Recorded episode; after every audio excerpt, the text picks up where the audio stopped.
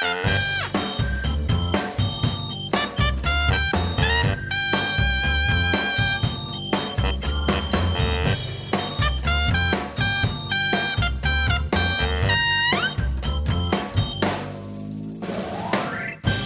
is weer tijd voor een nieuwe aflevering van de CIP-podcast. Yay! Of moet ik zeggen de JIP-podcast? Want JIP. nou, het lijkt wel een beetje een Joods informatieplatform de laatste dagen bij Nou, ons. vandaag helemaal ook weer, hè?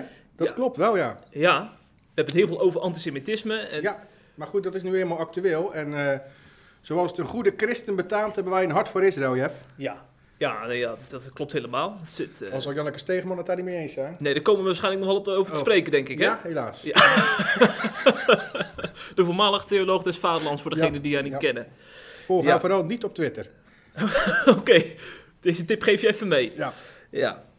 Eh, wij gaan natuurlijk ook in deze podcast stilstaan bij het overlijden van King Abaan. Ja. We hebben het er twee weken geleden nog over gehad. Toen heb jij eh, nog een interview eh, daarover geplaatst met Elbert Smelt. Ja, en het afscheidsnummer. Ja, dat nummer met haar opgenomen. het is heel snel gegaan de laatste weken. heel snel. Gaan we het uitgebreid, of uitgebreid, daar gaan we het inderdaad nog even over hebben. Ja, ja. Maar eerst inderdaad ja, het, het JIP. Want het antisemitisme dat gaat maar door en dat gaat maar door. En dat was voor eh, drie partijen, namelijk SGP, ChristenUnie en CIDI, Centrum Informatie en Documentatie Israël, reden om een petitie te starten. Ja.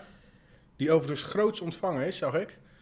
Ik weet, ik heb, geen, heb jij cijfers gezien vandaag nog? Ik dacht dat het minstens 20.000 keer al was ondertekend. Ja, precies.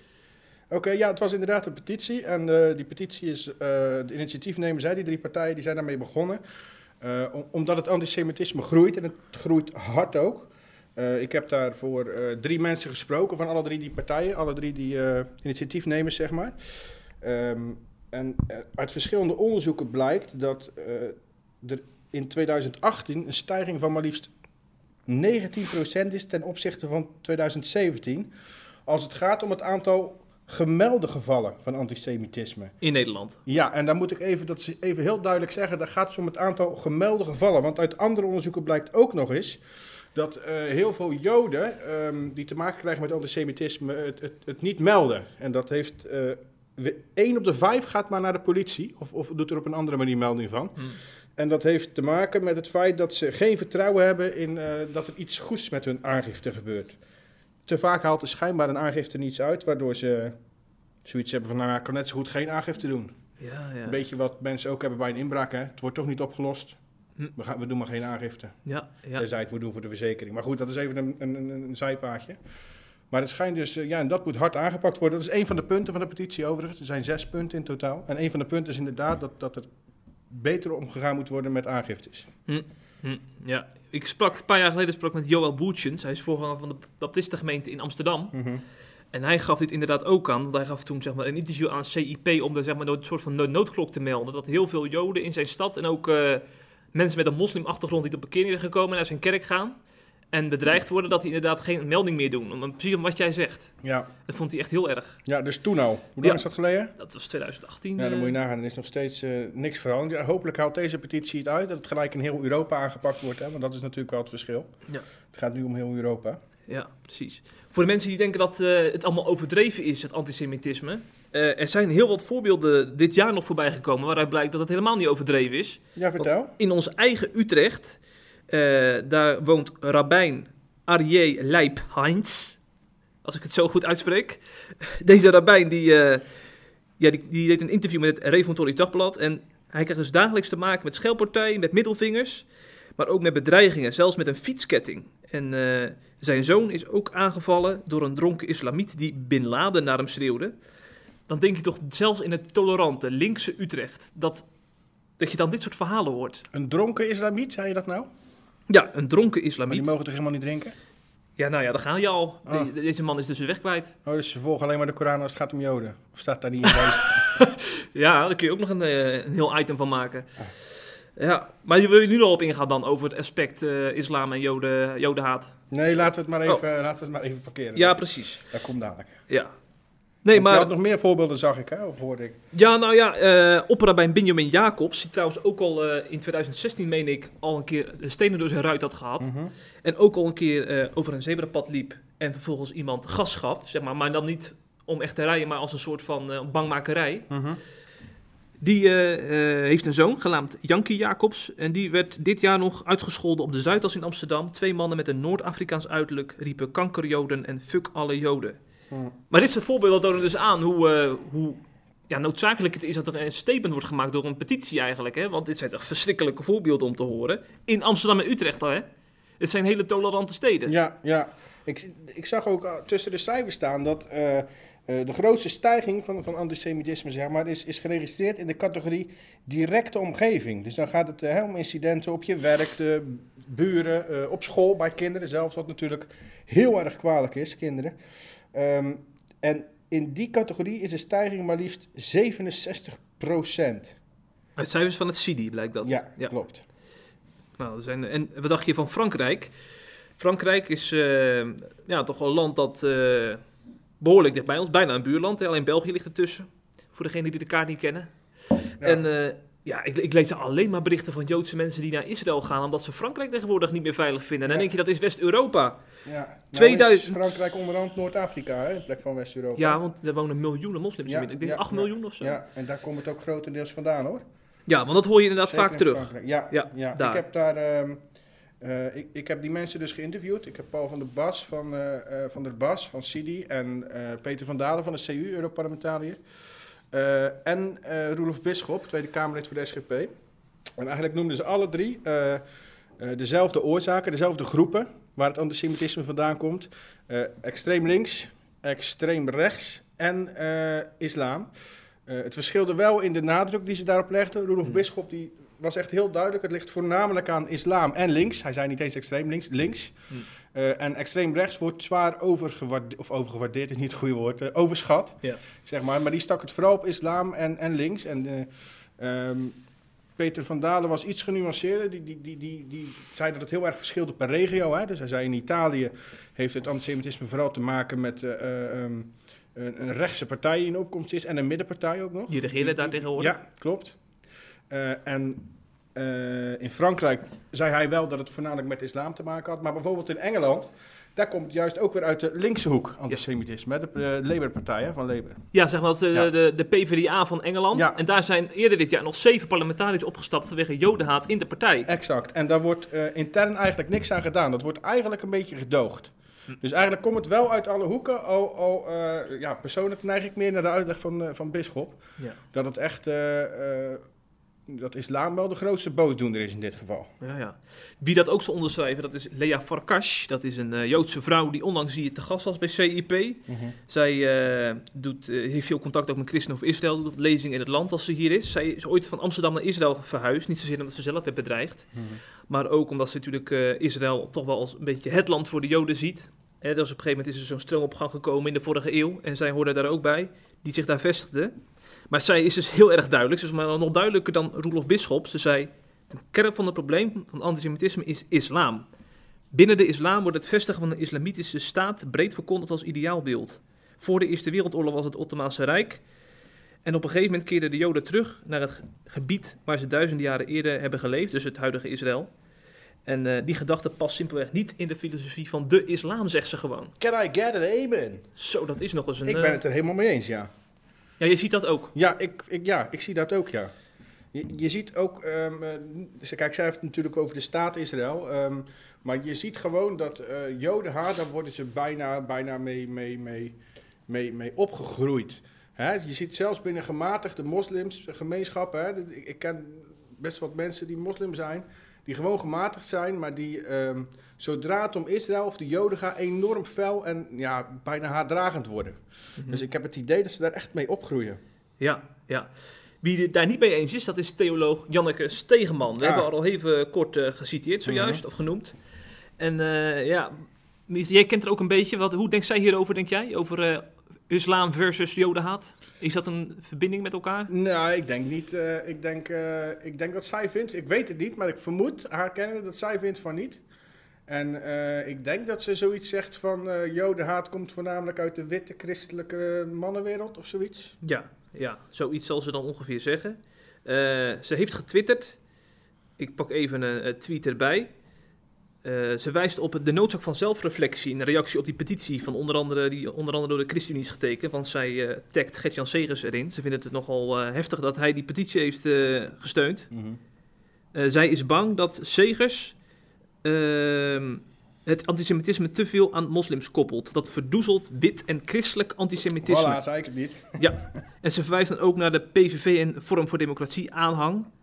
Uh, waarin antisemitisme ook aangepakt zou moeten worden volgens uh, haar. Begint ze nog niet over fascisme? Dat is, in, dit, in dit draadje nog niet, nee. Okay. nee, nee. nee maar dat neigt er wel toe. dat komt wel zodra je reageert, als het ja. geen blok wordt. Ja. Maar dit, ik heb haar toen in een tweet wegkijktheoloog genoemd. Dat stuitte nog wel op wat kritiek bij her en der, bij wat mensen. Maar bij meerdere het... mensen ook, ja? Ja, ja, Wat ja. kreeg je te horen dan? Nou, ik kreeg in, in mijn kerk werd ik erop aangesproken. In dat... je kerk ook, ja? Ja, ja, ja. Dat was was een man die, die zei uh, over een hele fijne kerel hoor. En ook heel genuanceerd in deze discussie. Maar hij zegt van ja, wie, weg, wie echt wegkijkt, het is Wilders omdat hij elke keer op de islam zit te drammen. Hij ziet niet zeg maar dat antisemitisme ook van andere kanten komt. Dus dat, dat vindt hij weer, weer meer wegkijken dan wat Janneke Stegeman uh, doet. Maar Wilders zegt toch niet dat jodenhaat alleen maar van de islam vandaan komt? Ja, volgens hem wel. Want in, die tweet die hij uh, volgens uh, plaatste, na aanleiding van die petitie, was het alleen maar islam, islam, islam. Segers is niet fel genoeg. Nee. Ja, oké. Okay. Nou, de, die visie mag die hebben, die man. Die heb jij niet? Ik, nee, ik denk dat islam wel... Door... Tuurlijk is het wel zo. Dat is, dat, het is niet alleen maar islam. Hè. Er komt zeker uit, uit, uit linkse hoek, uh, of extreem linkse hoek misschien, of een beetje ertussenin. En extreem rechtshoek komt zeker wel jodenhaat voor, voor ook. Ja. Maar ik denk toch wel dat het voor, voor het allergrootste gedeelte voortkomt uit de islam. Hm. En mensen die uh, solidair zijn aan de islam. Ja. Nou, ik, en laten we die niet vergeten. Misschien is het idee dat we Janneke Steegman bij deze ook eens uitnodigen om naar CIP te komen voor een interview over dit onderwerp. Dat ze ook eens kan uitleggen wat ze nou met dat wit en christelijk antisemitisme bedoelt. Ja, mag en jij hoe doen. zij hierover denkt. Mag jij doen? Ja, ja, Ja. jij ziet dat niet zitten? Nee, nee, ik zie dat niet zitten. Oké, oké. Nou, Janneke, als je luistert, van harte welkom. Reactorweg 301 in Utrecht. Ja, je moet ons adres noemen, dan komt er die binnenkort in aanslag. Ga toch weg, man! nou, alles wat we over de islam zeggen. Die drie man in een paarden komt in de podcast luisteren. Ja, dat is ook zo. En mevrouw van Ekkerveld, hè? Mevrouw van Ekkerveld. Ja, Heb ik trouwens geen mailtje van gehad vorige week. dan denk ik dat ze niet meer geluisterd Of ze is op vakantie. Dat kan ook. Want sinds eh, haar man met emeritaat is, denk ik dat, maar dat ze eh, echt eh, van het leven is gaan genieten. Ze heeft het over fietsen in de, Zeis, in de Zeisterbossen Oh, en zo. heerlijk. Ik denk dat ze 34-7 op de fiets zit. Lekker bij het trainingskamp van het Nederlands elftal kijken tussendoor. Ja, dat is daar in de buurt. Ja. Israël. Nou, eh, Israël, ja. We hebben het over eh, Joden die naar Israël verhuizen vanwege Jodenhaat. Maar in datzelfde Israël is ondertussen ook nog heel veel aan de hand. Namelijk binnenkomende raketten. Vertel. Afgelopen weekend was het weer zover. Eh het begon bij een eh, scherpschuttersaanval door de terreurbeweging Islamitische Jihad. Want dat vergeten mensen. Ze denken dat Hamas regeert in Gaza. Dat doen ze ook. Of ze zeggen dat Hamas regeert in Gaza. Dat doen ze ook. Maar er is ook nog een Islamitische Jihad. Dat is nog een, een andere terreurbeweging die ook uit is Ja. op de vernietiging van de Joodse staat. Die overigens, overigens eh, niet altijd samenwerken. hè? Nee, wel eens tegen elkaar is ingaan, Ook hè? weer concurrenten? Ja, Ja. ja. Maar eh, die aanval heeft dus eh, geresulteerd natuurlijk ja, in een tegenreactie van, van Israël. Maar uiteindelijk zijn er dus vanuit Gaza meer dan 750 raketten op Israël afgevuurd, waarbij vier mensen om het leven zijn gekomen. 100 Ongelooflijk. mensen gewond zijn geraakt. Ja, en Israël heeft natuurlijk in reactie da- daarop ook weer gereageerd. Daarbij zijn zeker 27 Palestijnen omgekomen. Zeker de helft daarbij, daarvan is terrorist. Ik heb niet kunnen checken of de rest burgerslachtoffer is. Daar heb ik heel weinig informatie van, eh, van meegekregen. Heb jij daar iets over gehoord? Nee, ik ook Nee. niet echt, eerlijk Dus daar moeten we maar voorzichtig in zijn. Ja, nooit dingen zeggen die je niet zeker weet. Ja, ja. Maar goed, eh, ja, je krijgt dan weer gelijk die hele Israël-Palestijn Ja. op social media. Ja. Van wie is er nou begonnen en wie is er de schuldige. Kip en het ei verhaal eigenlijk. hè? Ja, En, elke keer weer terug. en mensen zijn ook eh, aan allebei de kanten hoor, enorm blind vind ik. Eh, ik- ik vind bijvoorbeeld dat heel veel christenen die, die, die eh, pro-Israël zijn, mag, prima, wij zijn ook pro-Israël, ik in ieder geval, jij ook weet ik. Eh, maar dat betekent niet dat alles wat Israël altijd doet goed is. En dat vind ik soms wel eens bij christenen, niet over dit specifieke geval hoor. Nee. Maar soms bij christenen is het wel eens het geval dat ze eh, eh, blind zijn voor de dingen die Israël ook fout doet. Want dat gebeurt ook wel degelijk. Ja. Eh, ik zou daarvoor vooral aanraden om boeken van Anne van der Bijl te lezen, want die is daar heel genuanceerd in. Mhm. Dan krijg je een wat beter beeld als christen. En ik denk dat dat ook belangrijk is. Want vergeet vooral niet dat er in Palestina ook redelijk wat christenen wonen nog. En die, die hebben, zijn eigenlijk aan twee kanten de sigaar. Ja, ja, dat klopt. Die zitten echt tussen twee vuren in, letterlijk. Letterlijk. Ja, ja. En eh, ja, maar wat ik ook vorig, vorig jaar was natuurlijk ook een enorme eh, groot incident. Toen waren er iets van tussen de 200 en 300 eh Palestijnen omgekomen toen er weer rellen uitbraken bij de grens. Mhm. En toen heb ik ook gezegd van ik geloof echt wel dat die Israëlische militairen hier en daar te ver zijn gegaan. Maar dan denk ik ook van, dan wordt daar vooral op gefocust in de mainstream media, zoals we die hier in Nederland kennen. Terwijl dan helemaal niet naar de oorzaak van dat conflict wordt gekeken. Namelijk een Hamas dat regeert in Gaza en heel de Joodse staat weg wil hebben. Die willen helemaal geen compromis. Nee, Die willen heel die staat weg hebben. exact. Dat klopt. Eh, ja, daar kom ik zo nog even op terug. Want ik heb ehm, eh, Kees van Velzen eh, geïnterviewd. Oh ja. Hè, dominee Kees van Velzen. Die, die, die is actief voor Christenen voor Israël. Die weet er heel veel van, van die situatie. Ja. Ehm, daar kom ik zo nog even op terug. Want ik, ik, er zijn ook nog een aantal dingen die jij op Twitter tegen was gekomen... die, die, die niet zozeer in het nieuws waren geweest. Ja, dat klopt. Want eh, wij zitten dus natuurlijk eh, continu op Twitter als er zoiets gebeurt. Want Mhm. dat is een beetje onze nieuwsbron. Wij gaan dan niet Ja. naar het NOS-journaal. Wij gaan niet naar NSC Handelsblad. Nee, absoluut Want niet. helaas zijn zij nogal eenzijdig op dit terrein. En dan kom je op Twitter eh, beelden tegen van juichende Palestijnen in Gaza. Terwijl er dus nog niet zo lang geleden vier mensen om zijn gekomen door die raketten. En dan ga je daar dus lopen juichen. Eh, Ja. hè, inshallah, la la la. Het deed een beetje denken aan eh, de, de aanslagen op de World Trade Center. Hè? Toen, toen je ook eh, mensen wereldwijd bijna, in verschillende grote steden in Europa ook, zag juichen. Ja, Hè? Want eh, vanwege die aanslagen. En dat deed mij een beetje aan denken. Heb je Ja. ze trouwens gezien op de NOS-journaal ook, die beelden? die beeld, ja dat, dat vind ik dus heel erg verrassend. Dan denk ik van, dit is toch wel echt een heel belangrijk Ja. nieuwselement van het hele conflict. Want Ja. dan kun je ook zien hoe dat wordt ontvangen. Ja, Maar dat wordt dan gewoon nee. weggelaten. Nee, ja, nee, maar als zodra ze een mooie foto kunnen vinden van een, eh, een Palestijns kind wat gewond is, komt het overal hoor, zou ik je vertellen. Ja, en dat is ook gebeurd, maar eh, dat, dat die Palestijnse baby die is gedood bij, eh, bij dit eh, vuurgevecht. In een ANP-bericht werd dus gesuggereerd dat Israël dat had gedaan. Maar wat blijkt, Ja. de baby van die dramatische foto die de wereld over ging, is vermoord door een raket die in Gaza zelf werd afgevuurd. Die Ja. werd dus gewoon, ja, door amateurs werd die bediend of zo, die raket. Is ook officieel toegegeven hè, door, eh, ik geloof, de Islamitische Jihad. Ja. Of, niet, of Hamas. Nee, voor mij was het de Islamitische Jihad. Die hebben het zelf ook toegegeven dat dat inderdaad een, een raket van hunzelf was. Ja, Eh, en dan wordt het weer minder groot gebracht trouwens. Ook weer zo opvallend. ja heel opvallend. Ja. Wat ook opvallend is, is dat, eh, wat heel veel mensen niet weten, is dat er zes weken geleden nog een massaal protest was in Gaza. En dat protest ging echt, werd geïnitie- geïnitieerd vanuit de burgerbevolking. Dus Palestijnen die het helemaal klaar waren met Hamas, dat daar regeert. Dat is dus blijkbaar geen twee handen op één buik. Nee. Hamas greep keihard in. Er zijn echt heel veel mensen bij eh, omgekomen, gemarteld. Maar dat aspect blijft natuurlijk ook totaal onderbelicht. Want wordt het frame natuurlijk zijn van heel die Palestijnse kliekjes in eenheid. En die zijn met z'n allen tegen eh, de Joodse Ja, bezetting. er is natuurlijk absoluut geen eenheid. Er zijn sinds 2007 geen verkiezingen geweest of zo daar. Ja, ja. het is volgens van de wel. democratie natuurlijk. Dus Ja. dus ja, over een eenheid kun je überhaupt niet spreken. En ja, ik denk, eh, misschien is het... Je weet het niet, maar misschien zijn er hele grote delen van de bevolking totaal niet eens. Maar puur uit angst doen ze niks, want dan gebeuren natuurlijk zulke dingen. Ja. Kijk, kijk, laten we niet de held uit gaan hangen. Wij zouden ons misschien zelf, onszelf misschien ook wel stilhouden. Ja, ja.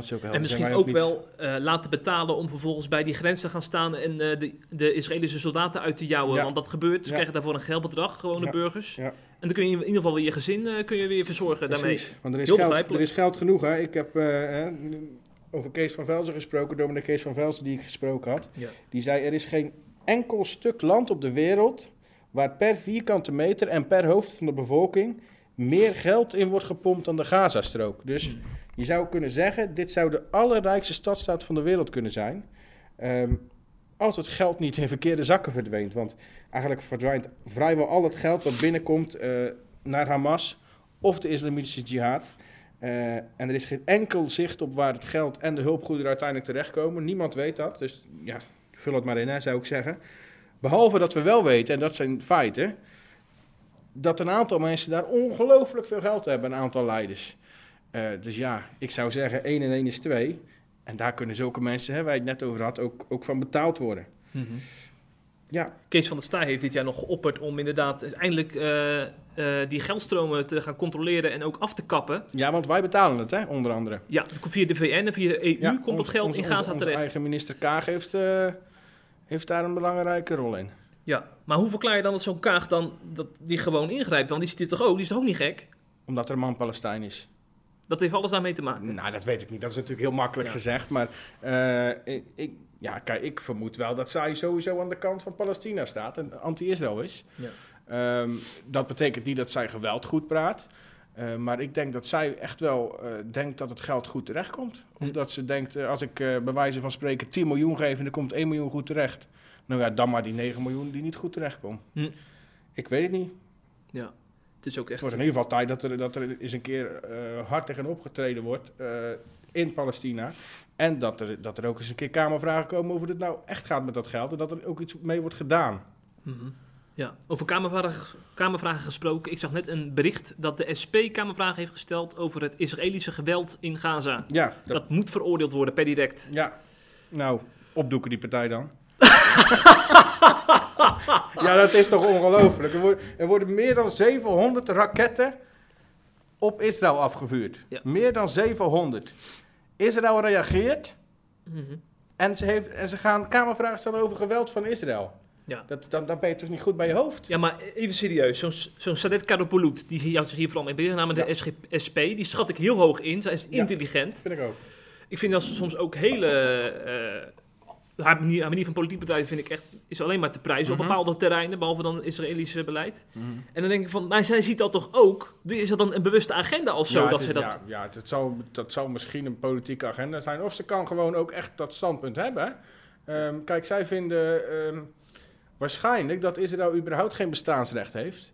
En dat, en dat heel die staat opgedoekt moet worden. En dat Israël een bezetter is en een onderdrukker.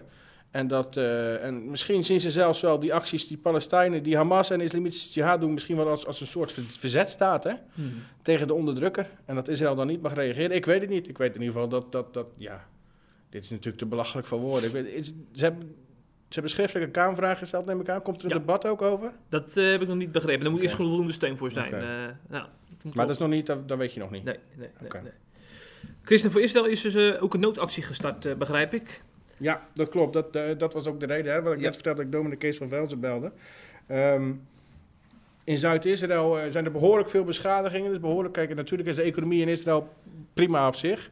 Maar eh, er is daar behoorlijk veel aan de hand. En er is ook echt wel geld nodig. Dus in het Christen van Israël is daarop een noodactie gestart voor Zuid-Israël.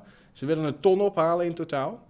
En volgens Van Velzen moet dat geen probleem zijn. Moet dat lukken als iedereen zijn steentje bijdraagt. Of zijn eurotje. Eh, laten we hopen dat het lukt.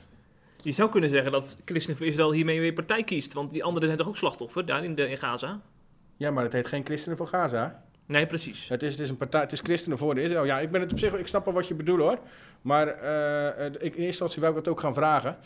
Eh, dacht ik nou, hè, want in Palestina zijn er ook beschadigingen, er wonen ook christenen. Maar toen dacht ik later, ja, het is natuurlijk gewoon, de organisatie heet Christenen voor Israël. Ja, dus het is heel ja. logisch dat ze... En er zijn ook heel Eh. veel organisaties die eigenlijk al eh, dat andere, die Ja. andere bevolking steunen. Dus waarom zou je dat zelf ook nog gaan doen? Precies. Overigens is daar natuurlijk het Eurosong Festival, het Eurovisie Songfestival binnenkort. Oh ja. En volgens Van Velzen heeft het daar ook erg mee, alles daarmee te maken. Dat nu die aansta of dat nu die, die raketaanvallen plaatsvinden.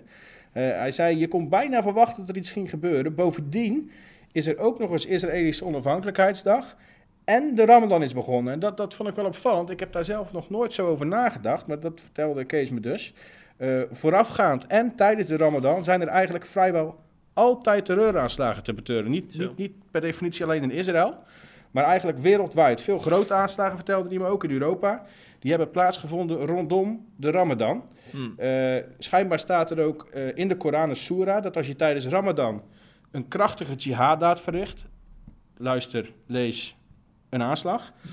eh, dat je helemaal het paradijs binnen mag lopen en dat je zelfs je familie uit de hel kan redden en dat je op een groene vogel rond mag vliegen in het paradijs. Echt waar? Niet dat dat me nou het ideaalbeeld me lijkt.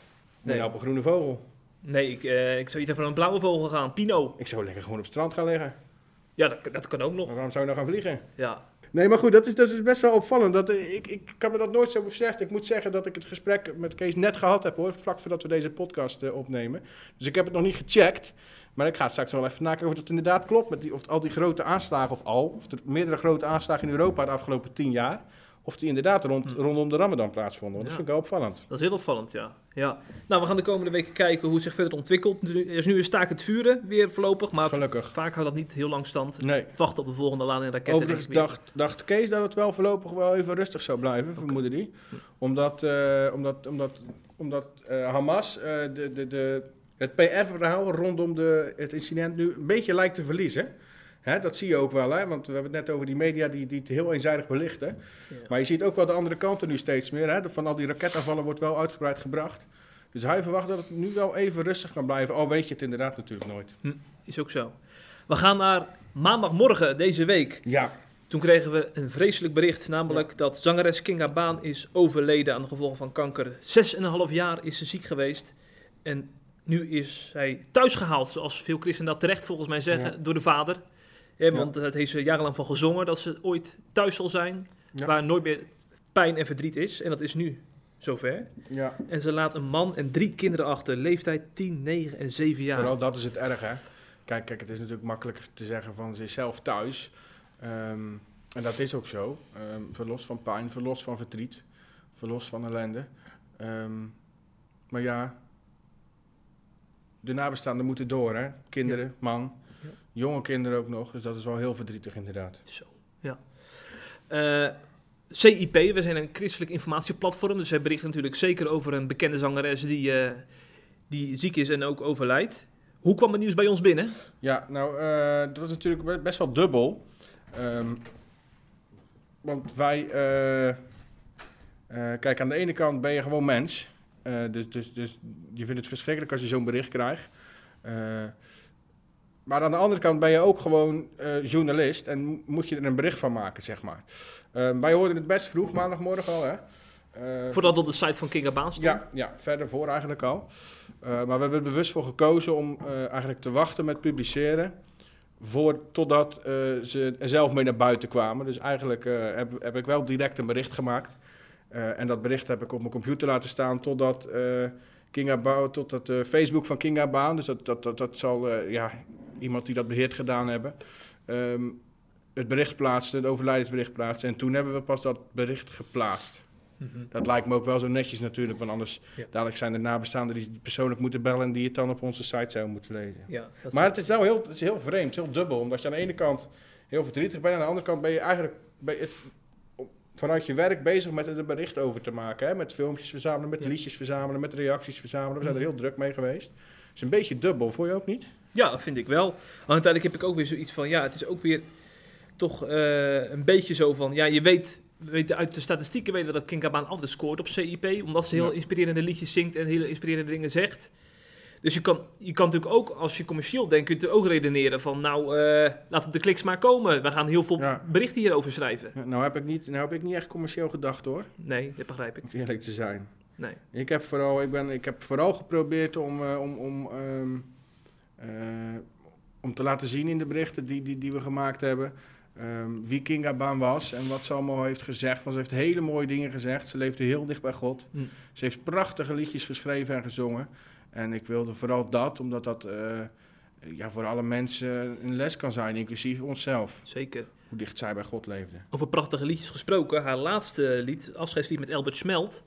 Dat heet volgens mij Geniet met volle teugen. Ja, Nou, dat heeft heel veel indruk gemaakt. Op YouTube is het al meer dan 200.000 keer eh, Mhm. bekeken. En ik heb dat vorige week op de bidstond bij ons in de kerk even laten horen. waarom zomaar? Zomaar of werd erom gevraagd? Eh, nou, ik leidde die bidstond toevallig en ik dacht van, dat, dat, dat liedje maakte zoveel indruk. Ik dacht Mhm. van, laat ik gewoon even horen aan het begin van de bidstond. En eh, op een gegeven moment ga, gaan we dan bidden natuurlijk. En bad ik van, laat dit lied tot zegen zijn. Hè? Want het kan natuurlijk heel veel mensen raken en mensen dichter bij God brengen. En bad ik ook van, laat ons als christenen ook kwetsbaar opstellen in de kerk. Want het is ook een les van Kinga. Door jezelf kwetsbaar op te stellen in je liederen, in je, in je, in je leven.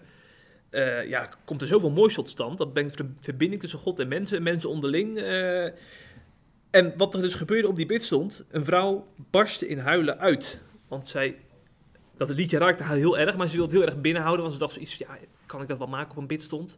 Op een gegeven moment eh, baden we dus van onszelf kwetsbaar op laten stellen. Laat ons een voorbeeld zijn erin. En toen kwamen alle tranen. Ja. Dat, is, eh, dan doe ik het maar. Maar dat vind ik zo bijzonder, hè? Dat, dat, Ja. dat één lied dat allemaal los kan maken. Ja, en dat, die- ja? Dan hebben we het alleen nog maar over een bidstond Ja. in Utrecht. Maar Nederland is nog veel groter dan dat. Ik wou zeggen, het is, die vrouw staat absoluut niet alleen. Je moet, dus, moet voor de grap is eh, honderden, misschien wel duizenden Ja, reacties duizenden hebben, minstens. gelezen. Ehm, en die zijn eigenlijk bijna allemaal unaniem eh, dat ze heel erg geraakt zijn door, door, door Kinga Baan, door dat laatste nummer, maar ook door andere nummers en door hoe ze leeft en door haar uitspraken. Eh, dus zij is, ehm, nou misschien zelfs wel onbewust, is ze een inspiratie geweest. Ja, voor duizenden, duizenden christenen in Nederland alleen al. En ik denk dat, dat mensen daardoor in, in Kinga Baan ook wel eh, God hebben gezien. Ja, Daar ben ik eigenlijk wel van overtuigd, ja. ja, dat denk ik ook, ja. Ja, En alleen dat al is natuurlijk heel bijzonder en is ook een troost voor, voor nabestaanden, denk ik. Mhm. Die we overigens vanaf deze plek ook heel veel sterkte willen wensen. absoluut, absoluut. Ja. ja, ik kan me daar echt helemaal niks bij voorstellen als je een jonge moeder of een vrouw... Ik moet er niet aan denken dat het bij mij thuis zou gebeuren... dat je al zo jong weduwnaar bent. Ja, Ongelooflijk. nee. Nee, kunnen we ons niet voorstellen. Nee. Nee. Nee. Ik zit trouwens ook in de kerk bij eh, de schoonvader van Kinga Baan. Mhm. Dus eh, ik ga vandaag even eh, een kaartje schrijven. Want ja, je wilt natuurlijk wel meeleven met zo iemand. Ja, Dus eh, mooi dat we dat ook via CIP door de reacties ook op Facebook... Hè, dat we ook zo mee mogen leven, Ja. ook als, ja, precies. als broeders en zusters. Als broeders en zusters in. Christus, hè. Zeker. Zeg Pet, we hebben het netjes binnen de tijd gehouden. Ja, hartstikke. Hoe lang hebben we we zijn ruim een half uur onderweg. Oh, dat is kort. Ja, maar een half uur is toch wel een beetje ons mikpunt. Oh, oké. Ja. Volgens mij heeft Rick ooit uitgezocht dat mensen die van hun werk naar huis gaan gemiddeld eh 25 à 30 minuten in de auto zitten. Ja, maar je denkt toch niet als mensen die van de werk naar huis rijden, dat die nog eens een keer naar ons gaan zitten luisteren? Nee, denk je dat niet? Nee joh, dat is Dat het eerste waar ik aan zou denken. het laatste wat ik zou doen. Wat zou jij doen dan? Nou, lekker muziekje opzetten. Oh ja. Hè? Ja, ja. Lekker biertje drinken. Oh nee, dat mag niet hè? In de auto is het lastig. Oké, hey, ehm, luister vooral nog, wacht even. We hebben het net over dominee van Velzen, hè? Dominee Kees van Velzen. Ehm, lees dat bericht morgen vooral, want die heeft hele interessante dingen te zeggen over de situatie in Israël. Dus eh, ik zou zeggen, lees het. Ja, dan moet je wel lid worden denk ik, anders kan je het niet lezen, of wel? Het komt op C+, ja, dus dan moet je wel lid worden. Oh. Maar ja, lid worden is sowieso slim, toch? Dan Ja, krijg je veel meer mooie verhalen te lezen. ja. Ook niet die irritante advertenties waar Nee, mensen zich zo nee. aan storen. Ook dat een belangrijke reden om lid te worden nog, ja. Zeker. Geen last meer van advertenties, lekker vrij lezen.